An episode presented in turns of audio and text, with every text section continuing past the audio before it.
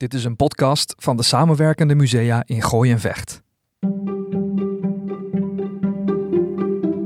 In de serie Gooise Grensverleggers vertellen we verhalen over wereldverbeteraars, vrijdenkers, kunstenaars en uitvinders die in het Gooi hebben gewoond, gewerkt of geëxperimenteerd. Mijn naam is Caspar Stalenhoef en in elke aflevering spreek ik met experts van Gooise musea of erfgoedinstellingen over deze grensverleggers. Kleurrijke personen die in de Gooi- en Vechtstreek de ruimte vonden voor hun eigenzinnige ideeën of vernieuwingen. We gaan op zoek naar de sporen die ze hebben nagelaten en van invloed zijn geweest op de regio, op Nederland of zelfs wereldwijd.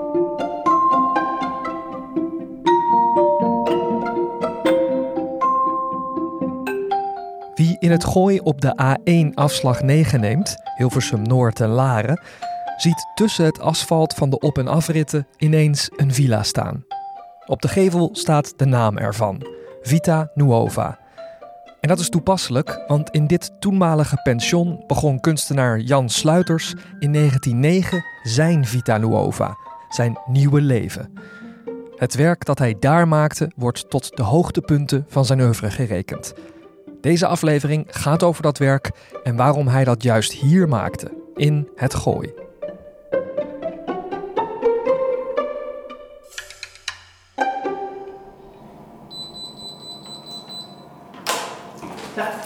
Ik ben in het depot van Museum Singer Laren, samen met junior conservator Roby Boes.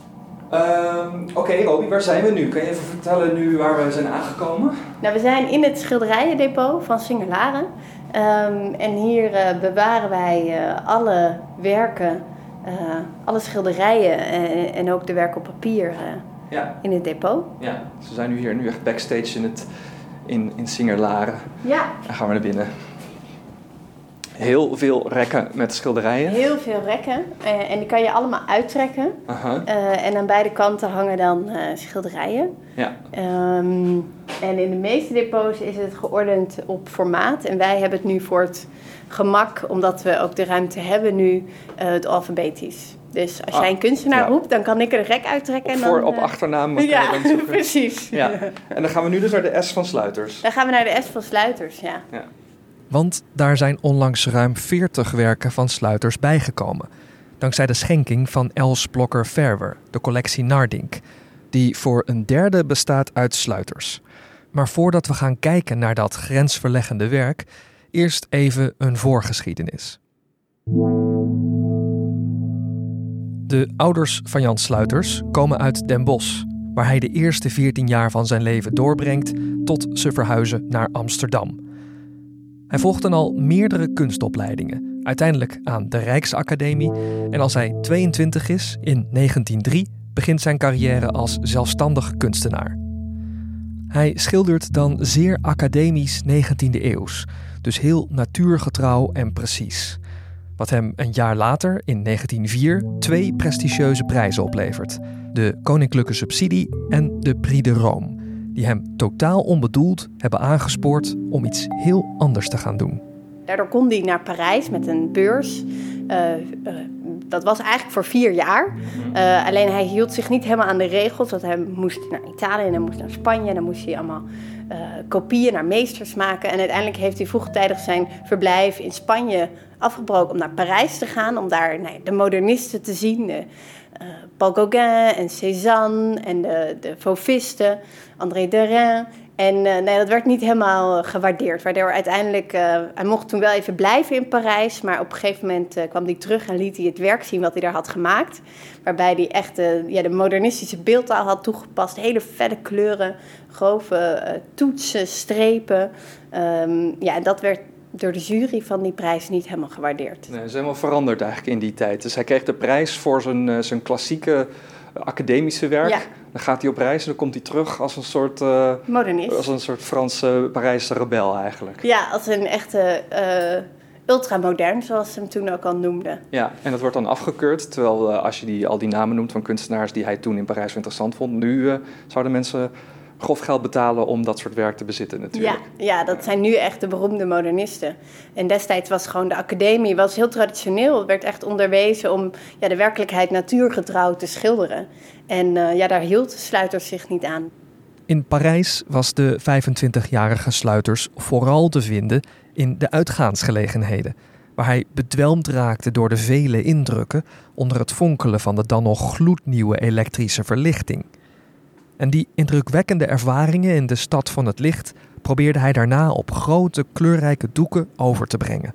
Je, we zien eigenlijk in de lucht um, uh, guirlandes van licht, dus echte kroonluchters, waarbij hij hele dikke gele, roze, blauwe toetsen heeft gebruikt. Ja, dat zijn bijna van Gogh-achtige toetsen, zou ik bijna zeggen. Ja, ze liggen er ook heel dik op. Heel dik, ja. ja. Uh, en op de voorgrond uh, zien we een tafeltje met twee glazen en een stoel. Daar zit niemand op. En daarachter die stoel, daar zien we twee vrouwen op de rug. Um, hele uitgedoste vrouwen uh, met lange jurken en, en veren hoeden met veren op hun hoofd. Veel kleur. En deze vrouw heeft ook heel, heel leuk detail. Een soort tasje of een waaier heeft oh, ja. ze volgens mij vast. Um, en, maar eigenlijk het eerste wat je ziet, dat is de lichtreflectie op die jurken. Die, die, dan, die, die jurken zijn blauwig, maar die lichtreflectie heeft hij dan met hele best wel brede toetsen, roze en wit en gelige toetsen geschilderd. Ja, heel veel details en streepjes ja. daarin aangebracht. Ja. Hm.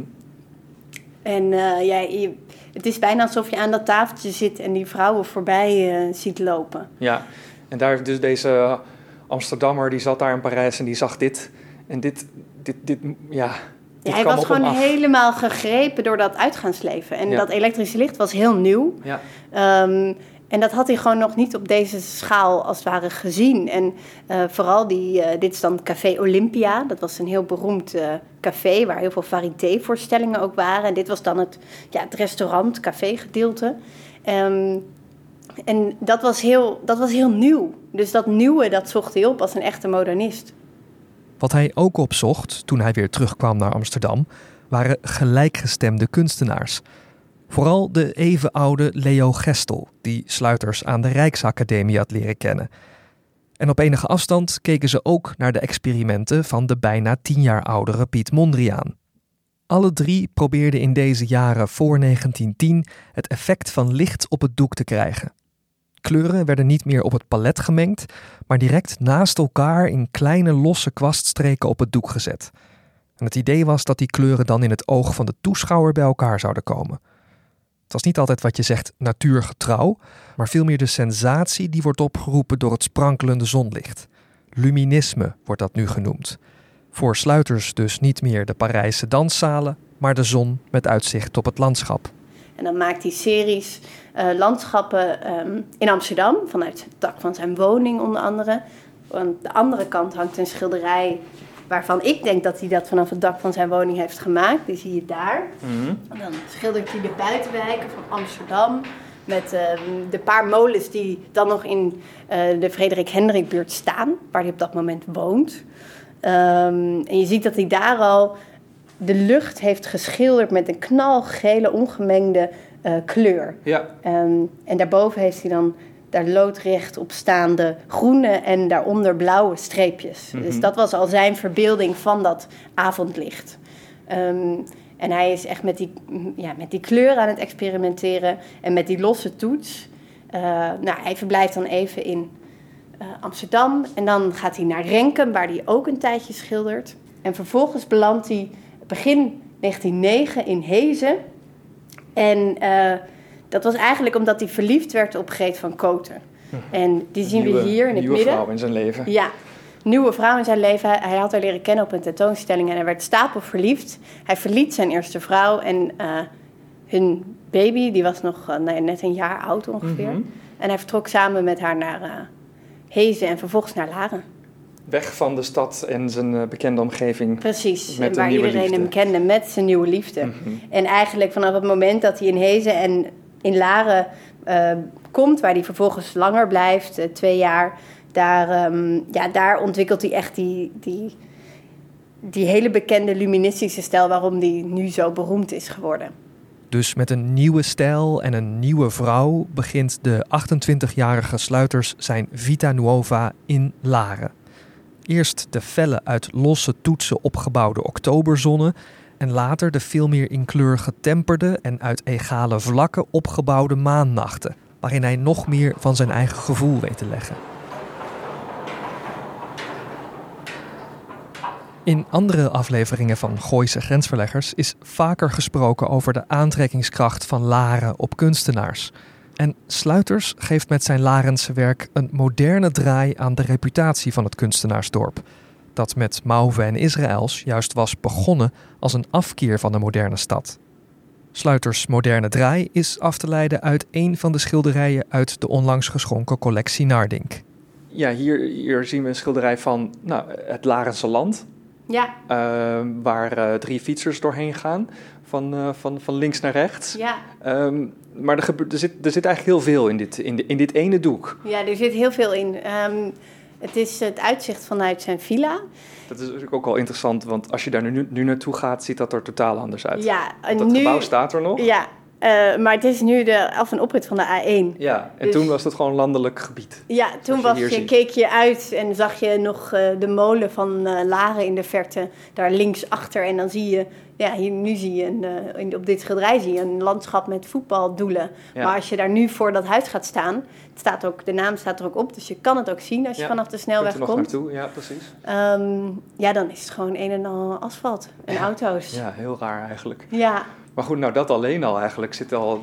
Ja. Kun je daar dit, met dit schilderij uh, Ja, kun je de eigenlijk- werkelijkheid vergelijken? Eigenlijk eh, verbeeldt Sluiters ook al een verandering die dat landschap destijds doormaakte. Waar de, de oudere schilders van de Larense school en de kunstenaars die hier eerder kwamen, eh, zoals Albert Neuhuis en Jozef Israëls, eh, voornamelijk dat hele ja, onbedorven landschap met de schaapjes op de hei schilderden, Ja. kiest Sluiters juist de moderne elementen. Dus een telegraafpaal, ehm, meerdere, die die heel fel, felle blauwe en rode kleur geeft, maar ook het voetbalveld. En fietsen, wat natuurlijk ook heel modern was in die tijd. Eh, en dat alles schildert hij in hele felle kleuren, afgewisseld in grote vlakken, kleine streepjes, bloktoetsen. eh, en vervolgens zo'n knalgele lijn boven in het doek, waarbij die, eh, ja, als het ware de vibratie van dat elektrische elektriciteit tussen die telegraafpalen verbeeldt. Ja, het ziet er inderdaad eh, bijna als een soort. Ja, je weet niet zo goed waar je naar je kijkt. Hè? Je ziet een soort gele streep met allemaal stipjes. Ja, Het, zou, eh, het zou licht kunnen zijn, of, eh, maar dat is het natuurlijk niet echt. Want het is gewoon een klaar lichte dag, zo ziet het eruit. ja, Maar misschien is het wel een soort van fantasie-ingreep of zo. Of hij, ziet, hij verbeeldt zich daar ja, iets. of een knettering van die elektriciteit die door die draden liep of Ja, zo. Dat is een beetje wat ik me erbij voorstel. Maar dat is dan vervolgens wat hij natuurlijk wilde in Laren, was zijn sensatie van het licht en het landschap omzetten. Nou, dit was zijn uiting van die sensatie. Ja, dit is wat, voor, wat, het, wat dit bij hem opriep. Precies, Ja. ja. En eh, bijzonder vind ik ook zijn, is die vrouw eh, op die weg, eh, op de fiets. Op een, op de, ja, een van de drie, misschien wel twee van de drie fietsers zijn misschien ja, vrouwen. het is niet zou goed kunnen. Ik denk dat die voorste een man is. Ja. Maar inderdaad, die achtste zouden allebei een vrouw kunnen zijn. Wij zeggen altijd dat we denken dat die vrouw in het blauw, eentje is rood, de ander is blauw. Mhm. Dat dat dan Greet van Koten is, een geliefde. Met Ja. wie die toen ook veel fietste in Laren. En ehm, ja, vrouwen en fietsen, dat was gewoon aan het begin eh, nog helemaal niet zo gewoon. Men dacht ook dat vrouwen er onvruchtbaar van zouden worden. En ze konden een broekrok aan, dat was dan helemaal nieuw. Ja, dus dat was ook en al dat was ook onzedelijk, en vonden bizar, sommige ja. mensen. Ja, Dus ehm, ja, en, en mensen kregen in 1909, toen Sluiters in Laren was, eh, ja, hadden steeds meer mensen een fiets. Dus het was ook iets heel nieuws. En Ja. eh, Nederland was vanaf dat moment het grootste fietsland ter wereld. En dat zijn we nu nog steeds. Dus daar geeft hij nu al een beetje een Ja, soort voorproefje van. intrede daarvan Ja. eh, legt hij hier ook al vast. Ja, Ja. Je kent ook een andere versie van het schilderij. Ja. Hij maakte vaak meerdere versies. klopt. Ja. Hij maakte ook vaak meerdere versies van één bepaald onderwerp, wat hij dan op verschillende wijzen schilderde. Ehm, en dat heeft hij ook van dit schilderij eh, gedaan. En daar, wat hij, het, dat is eigenlijk grappig. Het is een net wat minder uitgewerkt doek. Dus hij laat wat meer delen ook open. Ja. Dus bepaalde delen van het doek heeft hij niet beschilderd. Mhm. Maar daar, op dat schilderij zie je links staat, staat er een bordje. En daarop staat bouwterrein te koop. Jan Hamdorf. en Hamdorf was de eigenaar van Hotel Hamdorf. En die had er mede voor gezorgd dat uh, de Gooise stoomtram er was gekomen aan het einde van de 19e eeuw. Dus die had Amsterdam met Laren verbonden. Had ervoor gezorgd dat veel meer kunstenaars en mensen naar Laren trokken. Uh, dat er veel toerisme natuurlijk dan kwam. Uh, en die had, was echt een zakenman. Dus die had ook bouwgrond. En ik heb gezocht in de oude krant en je ziet ook het zou heel goed kunnen dat dat bord daar daadwerkelijk heeft gestaan. Uh, want er zijn advertenties uit die tijd waarin hij bouwgrond aanbiedt. Mm um, dus hij was zich ook wel heel erg... Ja, in recensies van die tijd, als hij dat schilderij dan tentoongesteld... daar wordt dan over geschreven alsof het een soort grapje is. Dat kan. Hij, ja. hij, laat daarin ook zien dat hij zich bewust was van zijn omgeving. Van Jan Hamdorf, die echt een ja, bekend figuur in Laren was. Ja. En ook wat, ehm. wat Laren dus uh, voorstelde en uh, wat voor een uh, reputatie het inmiddels dus inderdaad al had. Ja, dat is wat je zegt. Precies, ja. ja. En, en, het, en een andere grappig detail op dat tweede schilderij is dat hij op een van die telegraafpalen een bordje heeft geschilderd met daarop een soort pijl um, richting naar Villa Mauve, staat erop. En ik denk dat, dat, dat hij daarmee de, de kunsthandel van Nico van Harpen bedoelde. Die heette Villa Mauve. Nico van Harpen was uh, ja, toch vooral bekend geworden door zijn verkoop van uh, de laagste school en het werk van Anton Mauve. Mm -hmm. um, en uh, ja, het grappige detail is dat dat bordje naar links wijst, terwijl die fietsers naar rechts wijzen. Ja. Dus alsof hij eigenlijk probeert te zeggen, daar is de oude kunst en wij gaan naar de nieuwe kunst, als ja. het ware. Ja. Ja, dat is toch wel leuk als je zo'n andere versie van zo'n schilderij kent, dat er misschien iets van die symboliek wel achter steekt. Hè? Hoe die fietsers van links naar rechts rijden. Jij weet misschien nu wel wat hij daarmee. Uh, ja, en misschien gaat het veel te ver. Ja, misschien... Je kunt speculeren. Precies, je kan er, dat is een leuk, uh, het is een leuk verhaal, ja. Wat voor een uh, indruk krijg je van. Zo, wat voor man denk je dat het geweest is? Het was echt, ik denk dat het echt een, een schilder puur zang was. Dus hij schilderde echt omdat hij niet anders kon. Hij wilde zijn gevoel uiten. Um, wat hij hier doet in Laren is echt dat, ja, dat, dat zijn eigen sensatie willen schilderen. Ja. Uh, dat, ge dat gevoel schilderen wat het onderwerp bij hem opwekte. En eigenlijk, uh, als je interviews met hem leest door de jaren heen... en ook als hij ouder is, dan die, die uitgangspunt... dat blijft hij zijn hele leven doen. Dat uiten van die gemoedstoestand uh, van zijn onderwerp in kleur... dat, is, ja, dat, dat was zijn manier van werken. En um, hij hield ook niet van vakantie. Hij wilde gewoon eigenlijk elke dag schilderen. Had een heel strak schema. Begon zo laat, stopte zo laat. En um, ja, dat was gewoon wie hij was. Ja. Het echte schildersplezier van uh, het werken, ja. En had hij daar dan succes mee meteen? Werkte dat? Of interesseerde hem dat? Nou, in het begin natuurlijk moest men wel heel erg wennen ja. aan die hele felle kleuren. Ik bedoel, niet alleen Jan Sluiters deed dat, maar ook Leo Gestel en Piet Mondriaan. En zij, zij exposeerden hun werk in Amsterdam bij uh, Sint-Lucas, een kunstenaarsvereniging. En daar werden zij in 1910 uh, in een apart zaaltje gehangen, het Luministe zaaltje. En dan werden ze, werd ook wel door sommige critici het ziekenzaaltje genoemd. Hm. Want ja, het waren een soort uh, verschijningsuitingen van geesteszieken, zo zagen zij het. Ja. Um, dus aan het begin ja, werd het niet door iedereen gewaardeerd. Maar uh, er waren ook, was ook een verzamelaar, bijvoorbeeld Esser, die wel al heel vroeg werk van sluiters kocht uit die tijd.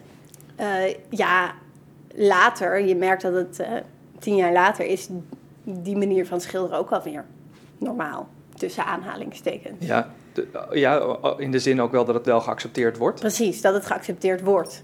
En, um, Hij liep daarin wel voor. Hij liep daarin voor. Ja, wat hij deed was dat hij eigenlijk samen met Mondriaan Leeuwgestel eigenlijk echt de, de weg opende voor heel veel andere Nederlandse kunstenaars om op een andere manier, vrijere manier met kleur en vorm om te gaan.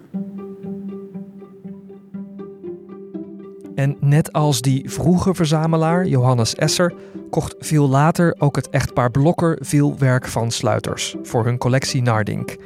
En dat zal permanent tentoongesteld worden in de nieuwe vleugel van Singerlaren vanaf het voorjaar van 2022. Maar nog deze zomer, tijdens het Erfgoedfestival Gooi en Vecht, is er genoeg te doen. Je kunt bijvoorbeeld virtueel in de oude Gooise stoomtram stappen, in de Gooise Moordenaar, een augmented reality tramrit dwars door het digitale erfgoed van alle musea die samenwerken in het Erfgoedfestival. En op de website van het Erfgoedfestival kun je allerlei wandelroutes vinden, bijvoorbeeld door Laren langs de nog altijd bestaande kunstenaarshuizen. Kijk voor alle informatie op erfgoedfestivalgooivecht.nl. Dit was het voor deze aflevering. Mijn naam is Caspar Stalenhoef en ik sprak hiervoor met junior conservator Roby Boes. Wil je meer verhalen horen over Gooise grensverleggers? Zoek dan naar de podcast in Spotify, Apple Podcasts of een andere podcast-app waar ook de andere afleveringen verschijnen. Bedankt voor het luisteren.